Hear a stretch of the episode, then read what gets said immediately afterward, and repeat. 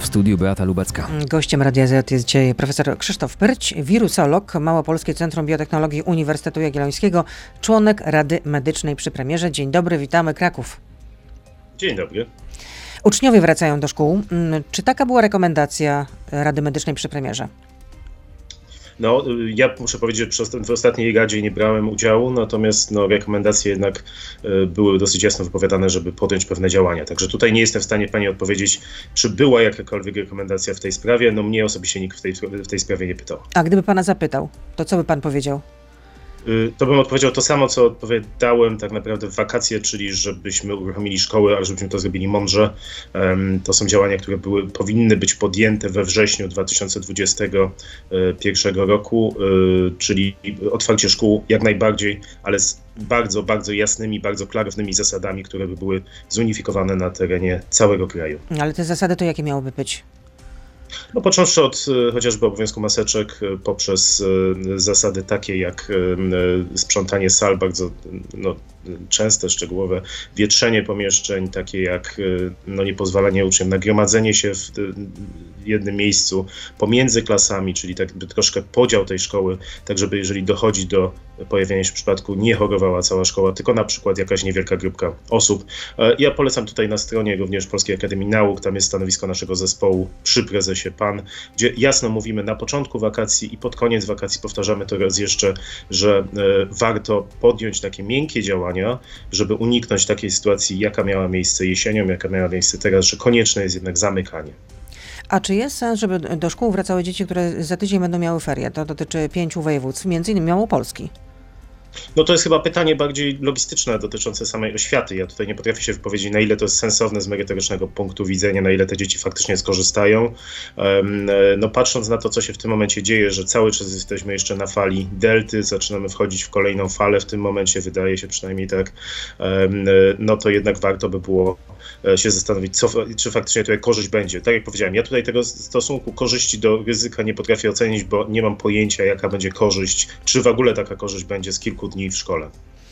No bo jest taki samorządowiec w Wielkopolsce, który zaapelował do, do, rodziców, żeby jednak dzieci nie posyłać do szkół, no bo obawia się rozwoju zachorowań w szkołach. Czy słusznie? Y, no, dzieci to już wiemy, że mogą być wektorem dla wirusa. Jakby to otwarcie szkół w niektórych przypadkach y, prowadziło do nasilenia się y, epidemii. Ja tutaj jeszcze raz powtarzam, ja nie jestem zwolennikiem zamykania szkół, bo no to jest szkody są potworne dla dzieci, dla rodziców również takiego działania. Natomiast no, jestem zwolennikiem tego, żeby jednak nie ignorować problemu i nie opowiadać właśnie historii o tym, że pandemii, pandemii nie ma lub dzieci go, tego wirusa nie przenoszą, tylko podejmować jasne racjonalne działania. A czy nauczyciele i służby mundurowe, czy przedstawiciele tych zawodów powinni być obowiązkowo zaszczepieni? Podobnie Moim jak medycy. Moim zdaniem tak. Moim zdaniem tak i z tego samego powodu, dla którego e, na początku e, zeszłego roku byli w grupie zero, czyli mieli ten przywilej, że mogli szczepić się przed wszystkimi tak naprawdę ze względu na funkcję, jaką sprawują, ale również e, ze względu na to, jak duże ryzyko sprawiają poprzez częsty kontakt z ludźmi, często z grup ryzyka, często wrażliwymi. No te osoby powinny jednak być zaszczepione nie tylko dla siebie, ale też dla innych, również dlatego, żeby nie wypadali z pracy, nie szli na e, izolację e, i przez to nie pozbawiali nas jako kraju również tego potencjału, że tak powiem, działania. Ale to właśnie doradzaliście premierowi?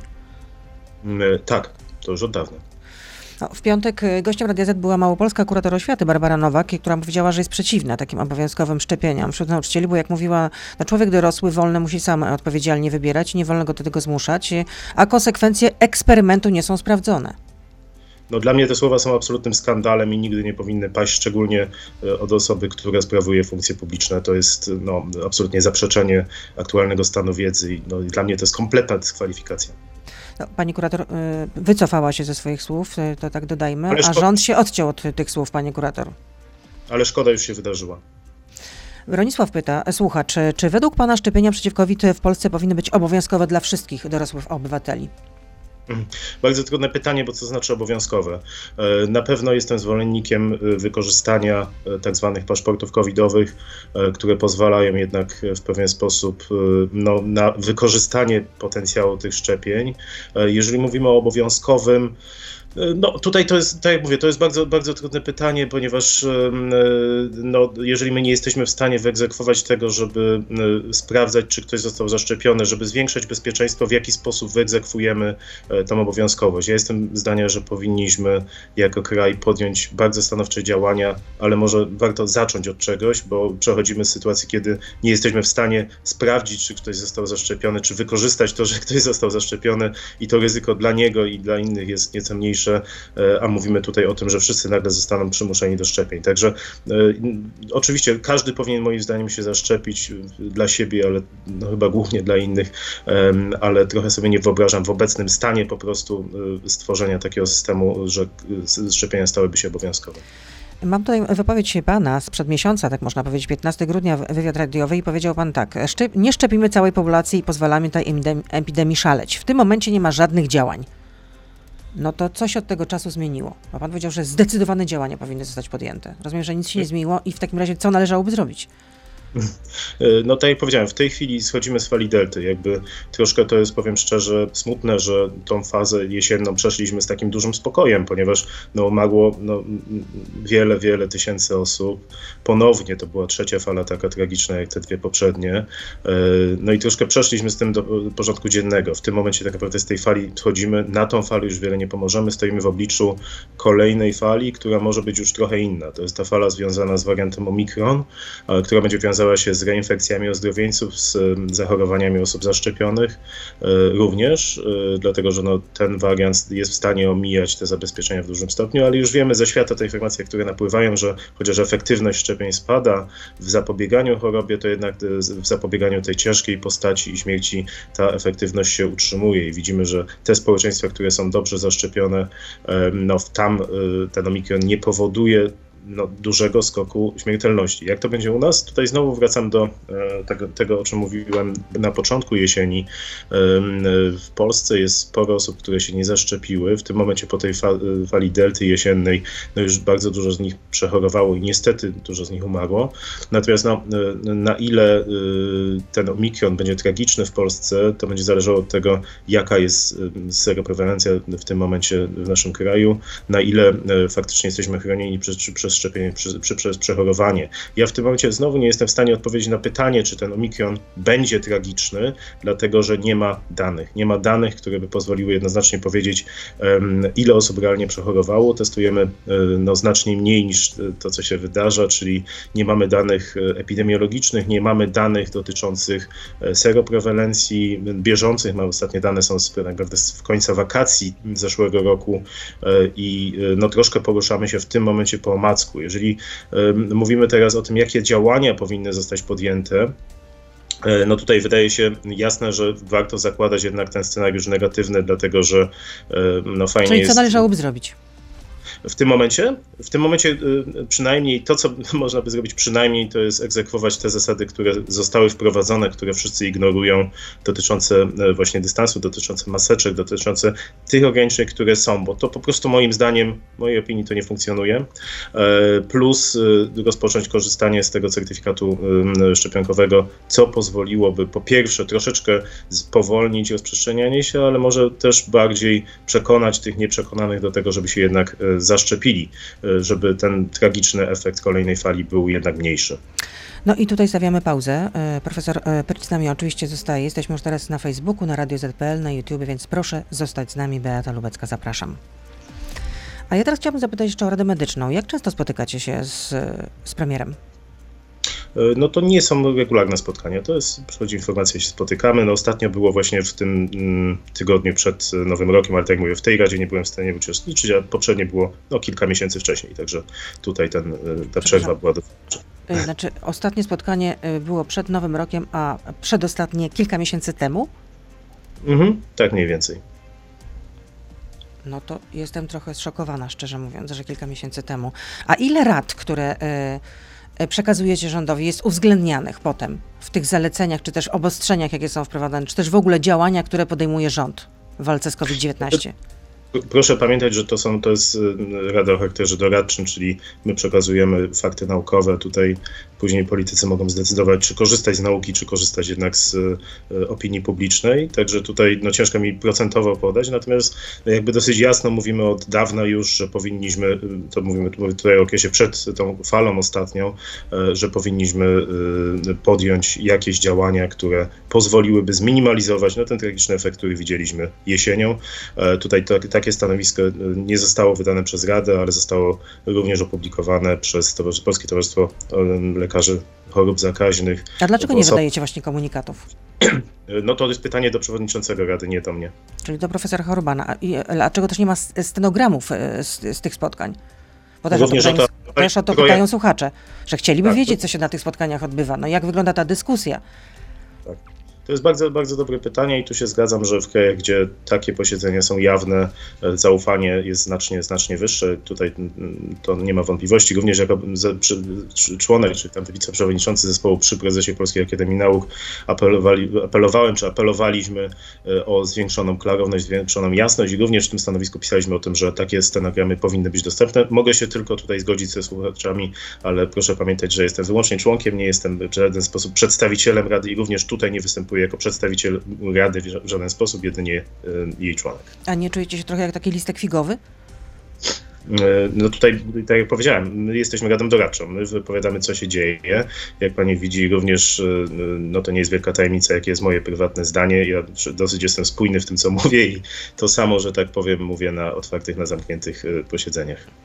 No, pięć dni temu pan minister Niedzielski, minister zdrowia mówił, że wzrost zakażeń to jest poświąteczna anomalia, czyli skutek e, zwiększonego ryzyka zakażeń e, podczas świąt. W sobotę 8 stycznia, czyli w ostatnią sobotę Ministerstwo Zdrowia poinformowało o 10 900 nowych i potwierdzonych przypadkach zakażeń oraz o 292 e, osobach, które zmarły niestety.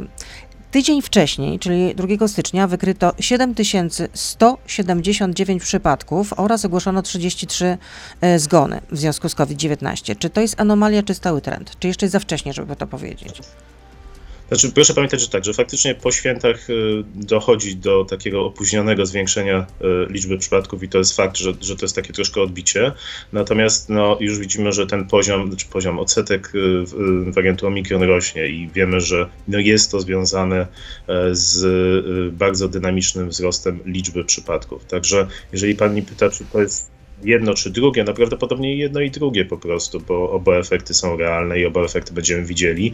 Na ile y, ten udział właśnie tego omikronu będzie rósł, to jest też y, no, pytanie na najbliższe tygodnie, y, na ile no, szybko wejdziemy w tą fazę, którą widzimy w niektórych krajach, no to jest, tak jak mówię, kwestia, kwestia kilku tygodni. No, te modele, które istnieją, Mówię o modelach matematycznych, czyli tutaj odwołuję się troszkę do doświadczenia no, kolegów, którzy się tym zajmują. No, mówią o drugiej połowie stycznia, przełomie stycznia-lutego, kiedy ta fala faktycznie będzie, będzie rosła. Ale tutaj tak mówię, to jest pytanie raczej do nich, bo oni są specjalistami w tym zakresie. A najgorzej jest w Małopolsce. Y, przyrost tygodniowy zakażeń to jest 37%, a jak donosi nasz reporter z Krakowa, pewnie pan zna naszego kolegę Przemysław Taranek, donosi, że z danych, jakie można znaleźć w internecie, wynika, że w powiecie tatrzańskim nastąpił największy w Polsce tygodniowy wzrost liczby zakażeń koronawirusem o 136% w ciągu 7 dni. Czy to może być efekt też y, tej imprezy masowej przed, w Zakopanem? E, no bardzo trudne pytanie, bo znowu to, to jest pytanie, które, które bardzo chciałbym mieć taką fast foodową odpowiedź, czyli że nie. E, najczęściej to jest złożenie kilku różnych rzeczy. Jeżeli widzimy w jednym powiecie taki przyrost, no tutaj przy dużej imprezie to raczej to, przysłuży się do rozsiania po całym kraju, natomiast no przy tak dużych wzrostach ja bym spekulował, że widzimy tutaj troszkę efekt omikronu również. No, IKEA, bo pan mówił o tym, żeby jednak e, paszporty covidowe, e, rozumiem, e, kontrolować przy wejściach do sklepów, jak rozumiem, do restauracji, wszędzie tam, gdzie po prostu gromadzą się ludzie, tak? Tak mam to rozumieć. Tak, tak, tak. tak. I to była też rekomendacja Rady Medycznej już udzielona w połowie roku, z tego co słyszeliśmy, tak? tak? To tak. doradzaliście. No i teraz y, y, jeden y, z marketów z meblami dostosował się do tych rozporządzeń rządowych. Skrupulatnie sprawdza paszporty covidowe. Jeśli ktoś go nie posiada, nie jest zaszczepiony, no to jeśli wyczerpie się limit osób, które mogą znajdować się na terenie sklepu, no to te osoby muszą po prostu czekać w kolejce. No i w, sieciach, w sieci społecznej, znaczy w, w internecie, w mediach społecznościowych internauci piszą o segregacji sanitarnej. To budzi duże kontrowersje, że chodzi o dyskryminację na tle medycznym. Znaczy tak, pierwsza rzecz, która mi się nasunęła, jak pani to mówiła, chciałem powiedzieć brawo za odwagę, a później uświadomiłem sobie, jak patologiczne jest to, że odwagą jest przestrzeganie przepisów prawa w tym momencie yy, i że chyba coś poszło nie tak, bo jakby no jasno w tym momencie prawo mówi o tym właśnie, że są limity, które mówią ile może być osób, ile może być osób zaszczepionych, niezaszczepionych, yy, więc wydaje się to dosyć logiczne, że jeżeli ktoś próbuje tego przestrzegać, no to, to jest to no jak ze wszechmiar słuszne. Natomiast bardzo ważną rzecz pani poruszyła, czyli te słowa segregacja sanitarna, bo to jest kolejna patologia, która nagle z dbania o zdrowie e, społeczne, zdrowie publiczne e, zrobiła coś e, złego, coś, co wiąże się z no, tragicznymi okresami w naszej historii. Jest to dla mnie absolutny, absolutny kolejny skandal, tak naprawdę, że takie słowa padają i takie słowa padają również z ust osób publicznych. To nie jest segregacja sanitarna, to jest dbanie o to, żeby jak najmniej nas umierało. Nie wiem, ile osób więcej musi umrzeć, bo widzimy już, że u nas to idzie w setki tysięcy zgonów w Polsce ile osób więcej musi umrzeć, żebyśmy zaczęli o to dbać i dbania nie nazywali w sposób e, no, karygodny, nawiązujący do e, no, okresu II wojny światowej. Pytanie od słuchacza. Piotr Szram pyta, mając na uwadze doświadczenia wysoko zaszczepionych krajów europejskich pokazujące rekordowe liczby dziennych przypadków e, zakażeń na COVID-19, co oznacza, że szczepienia nie przerywają transmisji, a osoby zaszczepione mogą się zakazić? Czy COVID, czy te paszporty covidowe jako ograniczenie wolności są uzasadnione? Mhm. E, teraz tak, no, e, są dwie kwestie. Pierwsza kwestia jest taka, że szczepionki, kiedy weszły, kiedyś mieliśmy, e, że tak powiem, na rynku ten wariant oryginalny, wariant alfa, one faktycznie wtedy no, w bardzo dużym stopniu przerywały transmisję wirusa, no i wtedy zaczęliśmy mówić o takim pomyśle tej odporności zbiorowiskowej.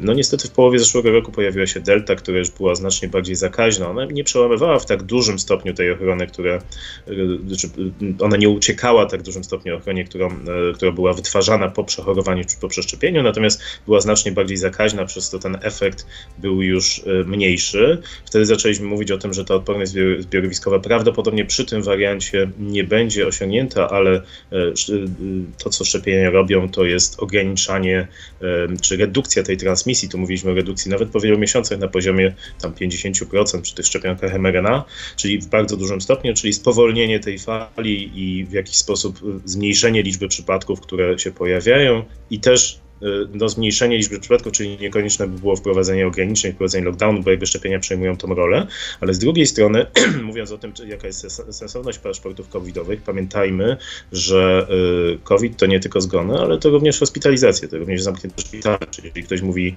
bo ja się nie boję, że się pochoruję, bo, ja, bo to dla mnie nie jest straszne, bo śmiertelność jest niska, to wszystko fajnie, ale y, szczepienie pozwoli również uniknąć tego, żeby ktoś zapchał czy intensywną terapię, czy po prostu szpital, czy nawet ten zwykły POZ.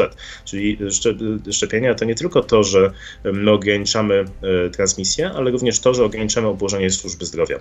Także jeżeli ktoś mnie pyta, czy te paszporty covidowe mają sens w przypadku omikronu, bo tu się pojawia kwestia, bo przy delcie dalej mieliśmy tą redukcję transmisji bardzo dużą, tutaj było już bezpośrednie e, przełożenie tak naprawdę na to, jak szybko fala się rozprzestrzenia to przy omikronie faktycznie ten efekt może być znacznie, znacznie mniejszy, ale moim zdaniem przy omikronie również szczepienia y, jak najbardziej mają sens i również właśnie te ograniczenia, które pozwalają tak naprawdę absurdalnie chronić osoby niezaszczepione, ale w ten sposób również chronić e, służbę zdrowia, e, no, utrzymują swoją sensowność. W tym momencie przy omikronie mówimy o tym, że no, konieczne jest przyjęcie tej trzeciej dawki, tej dawki przypominającej, która no, podnosi ten poziom ochrony no, nawet przy omikronie do dobrego poziomu. Mówimy o ochronie przed e, chorobą na poziomie 70-80%. Marcin pyta, czy, czy są dowody naukowe, że powszechne stosowanie paszportów covidowych przekłada się na sytuację epidemiczną?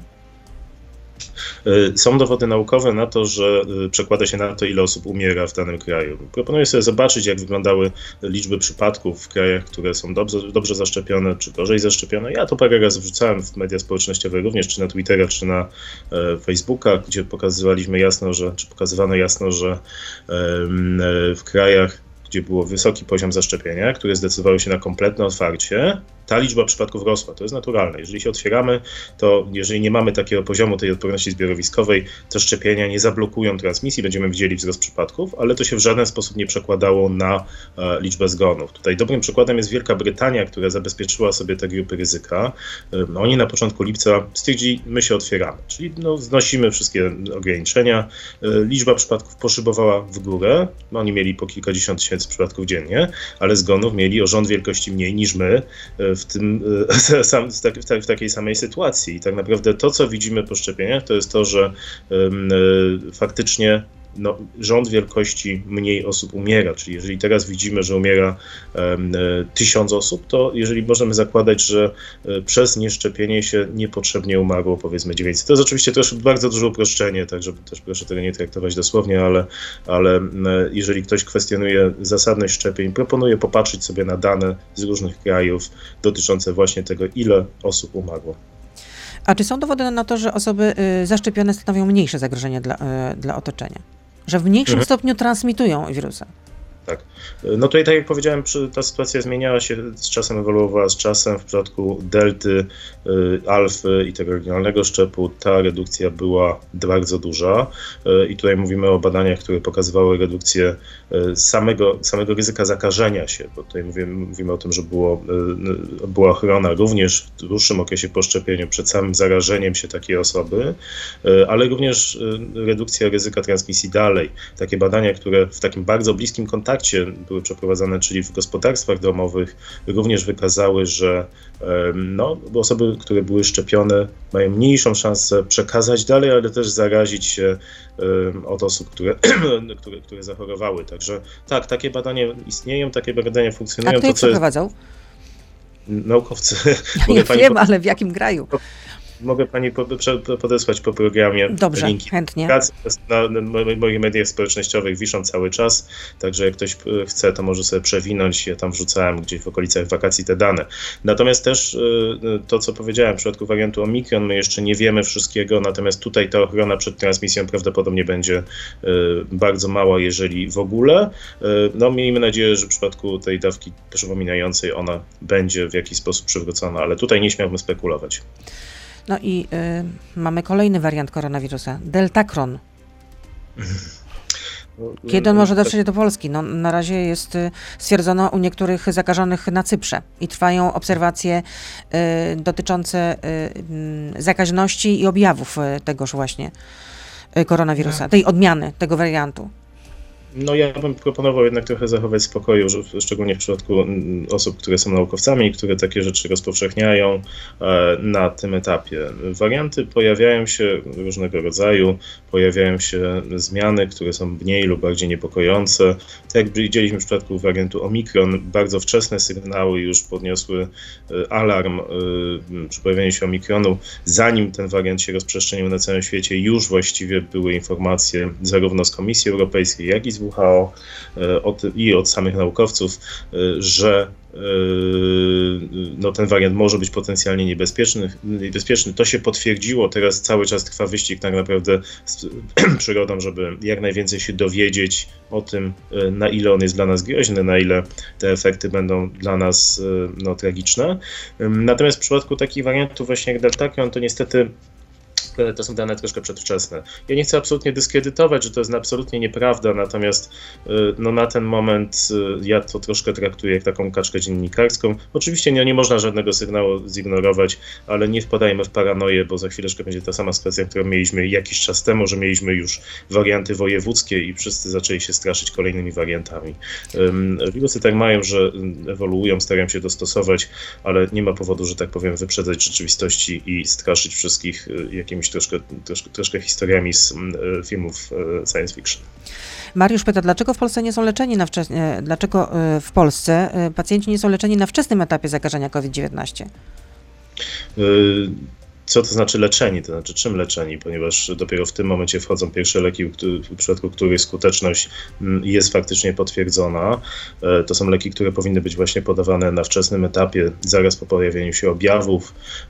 Mówimy tutaj o Paxlovidzie, Molnupiravirze, czyli dwóch lekach, które hamują konkretne enzymy wirusa, których mechanizm jest znany, w przypadku których no, ta efektywność została potwierdzona. Miejmy nadzieję, że on te leki trafią do użytku w najbliższym czasie i że będzie ich dużo. Niestety no, na to wpływu żadnego nie mam, więc nie mogę nic obiecać ani odpowiedzieć na żadne pytania w tym temacie, kiedy to się faktycznie wydarzy. Jeżeli chodzi o leczenie na wczesnym etapie, to też warto tutaj pamiętać, że SARS-CoV-2 to jest wirus, który powoduje chorobę bardzo chimeryczną. E, u części osób, niewielkiej części osób, 20-30% jest ona bezobjawowa.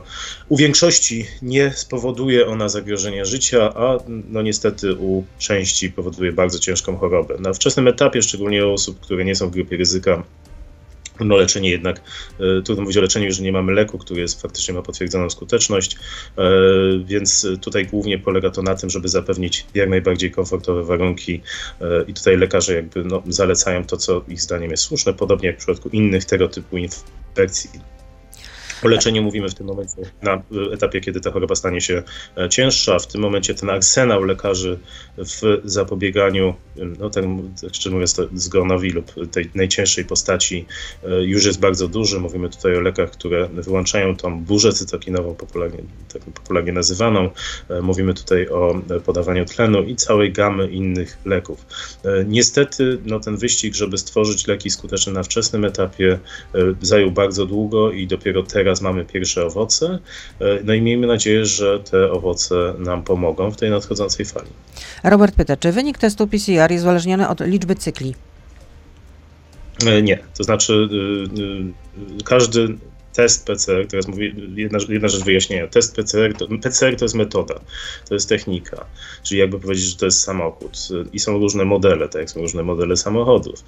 I te modele, czy te testy od siebie się różnią i każdy z tych testów jest walidowany, czyli sprawdzany jest tak naprawdę w jakim zakresie jest wiarygodny. Te opowieści o tym, że właśnie tam jakby zrobić mniej cykli, to e, by wyszło negatywne, czy by, zrobić więcej, to wtedy wszystko wyjdzie pozytywne, to jest troszkę właśnie taka patologizacja, dlatego że tak po prostu nie jest. Każdy test, który jest prowadzony do obrotu jest właśnie weryfikowany pod tym kątem, ile tych cykli powinno być, żeby odróżnić pozytywnego od negatywnego.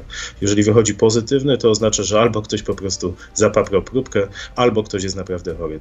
Test nie daje warunku fałszywie pozytywnego, dlatego że jest pozytywny w 37 cyklu, to oznacza że tego wirusa jest tam bardzo mało, ale że on tam jest. E, dlaczego COVID-19 nie jest wpisane na listę chorób zakaźnych? To jest kolejne pytanie słuchacza. Nie potrafię na to pytanie odpowiedzieć, ponieważ się tym nie zajmuję.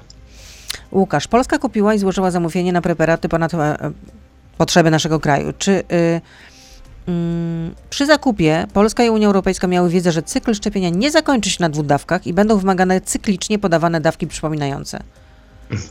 E, to teraz tak, pierwsza rzecz, nie uczestniczyłem w zakupie szczepionek, w związku z czym nie powiem w, jak, w, jakim mechanizmie to było robione. Moim zdaniem bardzo słusznie, że zakupiliśmy tych szczepionek dużo, jak widać to się przydaje. Jeżeli chodzi o to, ile dawek jest potrzebnych, znowu zapraszam na stronę Polskiej Akademii Nauk. My tam na początku tego roku, pod koniec zeszłego, pisaliśmy właśnie o szczepionkach, o tym, że w tym momencie dostaliśmy szczepionki, które są skuteczne i bezpieczne, Natomiast cały czas trwają badania, na ile one wystarczą, czyli, czyli czy będzie potrzebne podawanie kolejnych dawek, czy będą podawane szczepienia przypominające, bo tą sytuację znamy i to nie tylko z wirusa grypy, ale na przykład wiemy, że na szczepienie przeciwko odkleszczowemu zapaleniu mózgu e, nowym badań tych trzech dawek. E, czyli na początku roku wiedzieliśmy, że mamy narzędzie, ale że musimy jeszcze zobaczyć, na ile to narzędzie z czasem się będzie utrzymywać. Także na początku roku nikt właściwie nie miał takiej pewności, czy będzie konieczne doszczepianie, czy nie będzie konieczne doszczepianie, ale taka ewentualność od samego początku była e, brana pod uwagę. Krystyna pyta, jaka jest definicja eksperymentu medycznego? Co to jest, na czym to polega? Szczepienie nie jest eksperymentem medycznym. Szczepienie, szczepionki są zatwierdzone do użycia przez właściwie wszystkie organizacje regulatorowe, czyli e, przez e, dla nas to jest Europejska Agencja Leków i Europejska Agencja Leków, która zatwierdziła to, e, te szczepionki, które są w tym momencie na rynku. Przypominam, mamy w tym momencie już pięć szczepionek zatwierdzonych do stosowania. Jasno i otwarcie mówi również na swojej stronie i swoim, swoim głosem, szczepienia to nie jest eksperyment medyczny.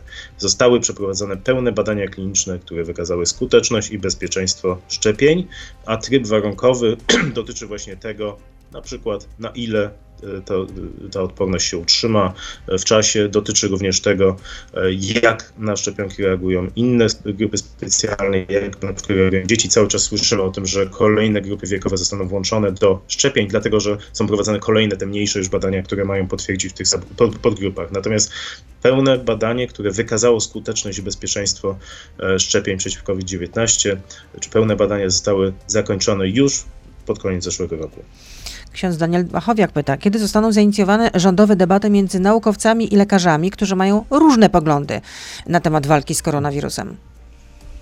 E, no to by, warto by było pytać rządu, natomiast proszę mi wskazać jedną osobę, która faktycznie jest wirusologiem, która zajmuje się wirusami, która ma e, odmienne zdanie od, e, ode mnie na przykład, czy od nauki, ponieważ mówimy tutaj o paru pewnych patologiach, gdzie osoby, które się w ogóle tematem nie zajmują, nigdy się nie zajmowały i się po prostu na tym nie znają, nagle no, wypowiadają jakieś rzeczy kompletnie niezgodne ze stanem wiedzy, z no, wiedzą naukową, czy z metodyką naukową.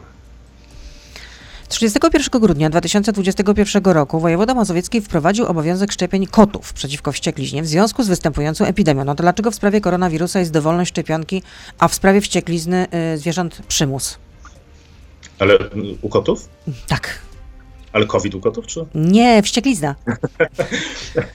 E, nie, bo koty również są szczepione na COVID w niektórych krajach, szczególnie duże koty, bo one również mogą się zakazić i no niestety w paru e, ogrodach zoologicznych zmarły koty, e, które nie były zaszczepione. W tym momencie kompletnie nie w temacie, ale, ale, ale one również są zagrożone tym wirusem. Natomiast jeżeli chodzi o to, czy szczepienia są obowiązkowe, czy nie, to, to, to, to o tym już mówiłem na początku. Moim zdaniem każdy powinien się zaszczepić, natomiast no, powinniśmy wykonać jakiś pierwszy krok do tego, żeby takie działania mo były możliwe, bo nie robiąc nic, nagle mówimy o tym, że potraktujemy tą chorobę jak wściekliznę. E, oczywiście, że w przypadku ścieklizny tutaj sytuacja jest e, no, dosyć jasna chyba dla każdego, e, dlatego że jest to choroba dla ludzi no, absolutnie śmiertelna i tylko szczepienia przed nią ratują. W tym momencie w naszym kraju, w naszej części świata pozbyliśmy się wścieklizny właśnie, właśnie dzięki szczepieniom i może to jest właśnie dobry przykład, żeby pokazać, że jednak te szczepionki to jednak coś, coś robią. Piotr pyta, kiedy odejdzie pan z Rady Medycznej, skoro premier nie bierze pod uwagę waszych zaleceń? E, jeszcze raz powtarzam, to jest pytanie bardzo, bardzo, bardzo otwarte oczywiście, natomiast jeszcze raz powtarzam, e, Rada Medyczna to jest Rada Doradcza. Tutaj wszyscy przypisują Radzie Medycznej e, jakąkolwiek sprawczość. To jest Rada złożona z naukowców, z lekarzy, którzy mają komunikować informacje na podstawie obecnego stanu wiedzy. I tak naprawdę ja się tutaj poczułem tylko do obowiązku komunikowania tego. Ja nie, na szczęście, czy niestety, to już jest zupełnie odrębna kwestia, nie mam i w tym momencie nie uzurpuję sobie żadnych, żadnej decyzyjności. Moim obowiązkiem jest komunikowanie tego, jak to wygląda. Staram się to robić rzetelnie, a to, czy te decyzje są podejmowane zgodnie z e, aktualnym stanem wiedzy, czy wbrew niemu, no to już jest zupełnie odrębna kwestia i, i, i to są pytania, które może będzie warto zadać, ale, ale, ale w tym momencie, tak jak mówię, ja się czuję w obowiązku do tego, żeby niezależnie od sytuacji e, politycznej jednak e, komunikować ten stan wiedzy do osób, które takie decyzje podejmują. Piotr, mając na uwadze doświadczenia, a to, to już pytanie e, zadałam, e, mając na uwadze fakt, że po dwóch latach epidemii wiemy już, że niezmienna średnia śmiertelność od dwóch lat dotyka cały czas grupę wiekową 75+, plus, to jak chcemy tę grupę chronić, tę grupę zagrożoną? Dlaczego tej grupy dotykają śmierci COVID-19 najbardziej? Nie do końca zrozumiałem pytanie, ale generalnie w przypadku zakażenia COVID mamy różne czynniki ryzyka, z których no, chyba najpoważniejszym jest wiek. I to nie mówimy tutaj o 75, plus, bo e, no, te opracowania, które się pokazują, mówią o tym, że tu już mówimy powyżej 30 lat, że osoby no, realnie zaczynają umierać na COVID, jeżeli się zarażą, a ryzyko tego zgonu jest tym wyższe, im osoba jest starsza. Oczywiście dodają się do tego choroby inne podstawowe, na przykład cukrzyca, gdzie ryzyko tego ciężkiego przebiegu e, jest bardzo wysokie i tak naprawdę no, sposobem ochrony tych ryzyka jest po pierwsze i na pewno ich zaszczepienie. W tym momencie, tak jak mówiłem, wchodzą leki do użytku, które powinny być tak naprawdę niedostępne ogólnie dla wszystkich, tak jak, mm, nie wiem, aspiryna, dlatego że stracą szybko efektywność, ale właśnie powinny służyć do tego, żeby ratować osoby z grupy ryzyka już na wczesnym etapie choroby. E, no a po trzecie, to jednak powinniśmy się szczepić i to my, jako my, również osoby młodsze, które są nie zawsze w grupie ryzyka, e, po to, żeby właśnie no, chronić te osoby, które same zaszczepić się nie mogą, czy u których ta szczepionka nie będzie miała wymaganej efektywności. E, Karol, ile jeszcze będzie dawek przypominających? Doskonałe pytanie i to tak naprawdę jest bardzo mądre pytanie, bo może się okazać, że już nie będzie tych dawek przypominających, albo że te dawki przypominające będą tylko i wyłącznie dla osób starszych. E, ja mam wrażenie tutaj, że, że znowu to, o czym już mówiłem wcześniej, takie podejście fast foodowe. E, niektóre osoby żądają jasnych odpowiedzi. Ja bym bardzo chciał je dać te jasne odpowiedzi, ale my się zmagamy w tym momencie z pewnego rodzaju żywiołem. To jest jednak przyroda, jak widzimy, ta przyroda e, może działać na poziomie lokalnym jako powodzie, jako pożary, a może na poziomie globalnym jako E, właśnie pandemia. I w tym momencie trwa cały czas walka z tym, żeby opanować e, właśnie tą katastrofę naturalną na poziomie globalnym. Jeżeli to się uda już z wykorzystaniem tych dawek, które już zostały podane, jeżeli faktycznie zobaczymy, że e, u osób, które przechorowały lub które się zaszczepiły, e, ta odporność jest wystarczająca, żeby e, uchronić nas przed tak dużym obłożeniem służby zdrowia, no to faktycznie możemy w pewnym momencie dojść do takiego punktu, gdzie to będzie decyzja indywidualna, gdzie tak jak w przypadku na przykład grypy sami się będziemy chronili. Jeżeli się okaże, że jednak no, ta fala wiosenna, czyli fala omikronu lub no, potencjalnie jakichś innych wariantów znowu zacznie nas przykrywać, zacznie stanowić zagrożenie dla zdrowia publicznego, no to może się okazać, że jeszcze będziemy musieli, e, jeszcze będzie konieczne zastosowanie tych środków ograniczających e, i w tym momencie mówię i o szczepieniach, i o pewnego rodzaju ograniczeniach dotyczących transmisji wirusa, czyli ograniczeniach na przykład mobilności. Ale tak jak, tak jak mówię, mówię To pytanie, które się rodzi, kiedy to się skończy? E, no moim zdaniem już jest bliżej niż dalej. Tak naprawdę e, ja nie chcę, bardzo staram się unikać e, takich jasnych terminów, bo tak jak powiedziałem, to jest żywioł, to jest w tym momencie przygoda. No i nieodpowiedzialnością i głupotą z mojej strony było powiedzenie, proszę Państwa, to się skończy na wiosnę.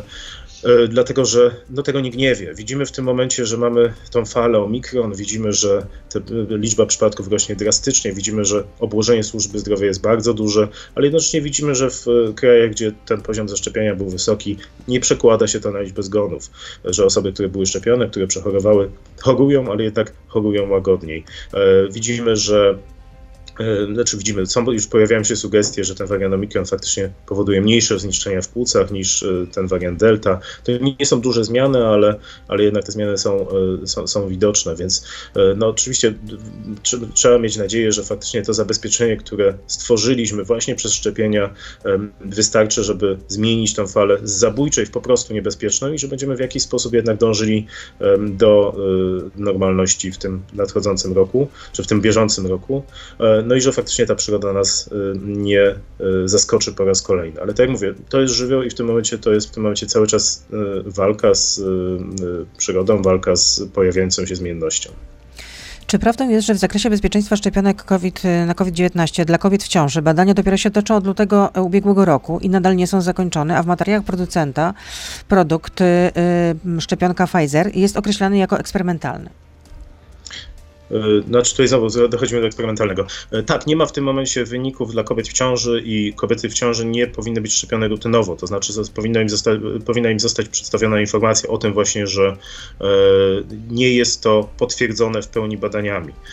I tu w 100% się zgadzam, że taka informacja zawsze powinna być przekazana kobiecie w ciąży, ale jednocześnie powinna zostać przekazana informacja o tym, że no niestety COVID w okresie ciąży stanowi dla nich śmiertelne ryzyko. Niestety jest to grupa, która jest narażona na bardzo ciężki przebieg i zgon, również zarówno matki, jak i dziecka.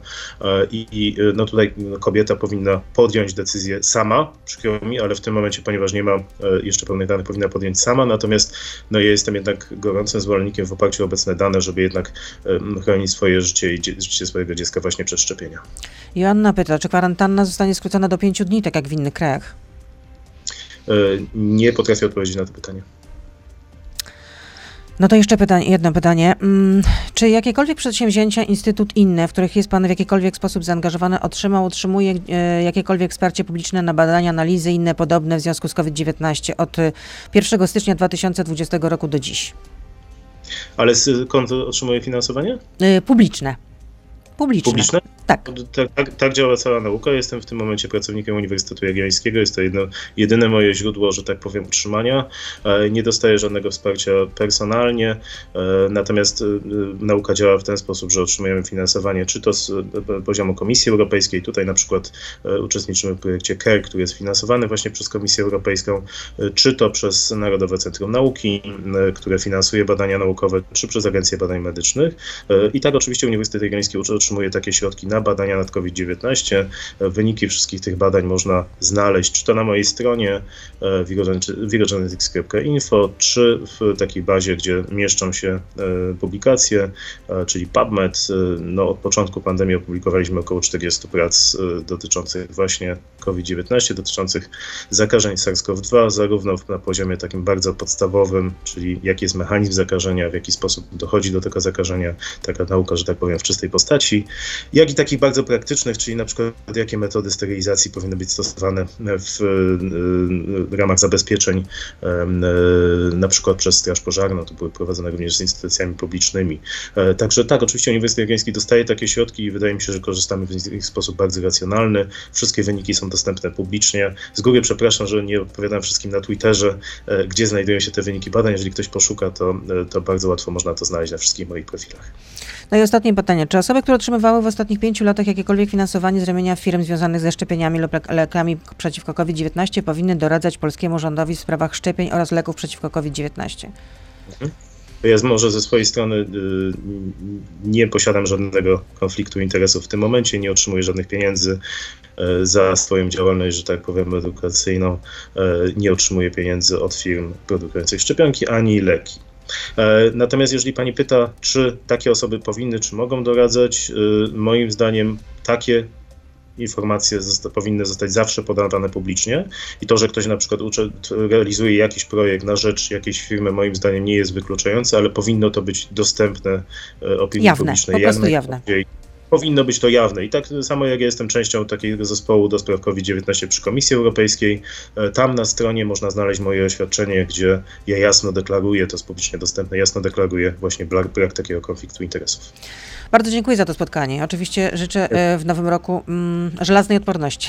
Żelaznej. E, Profesor No, Krzysztof...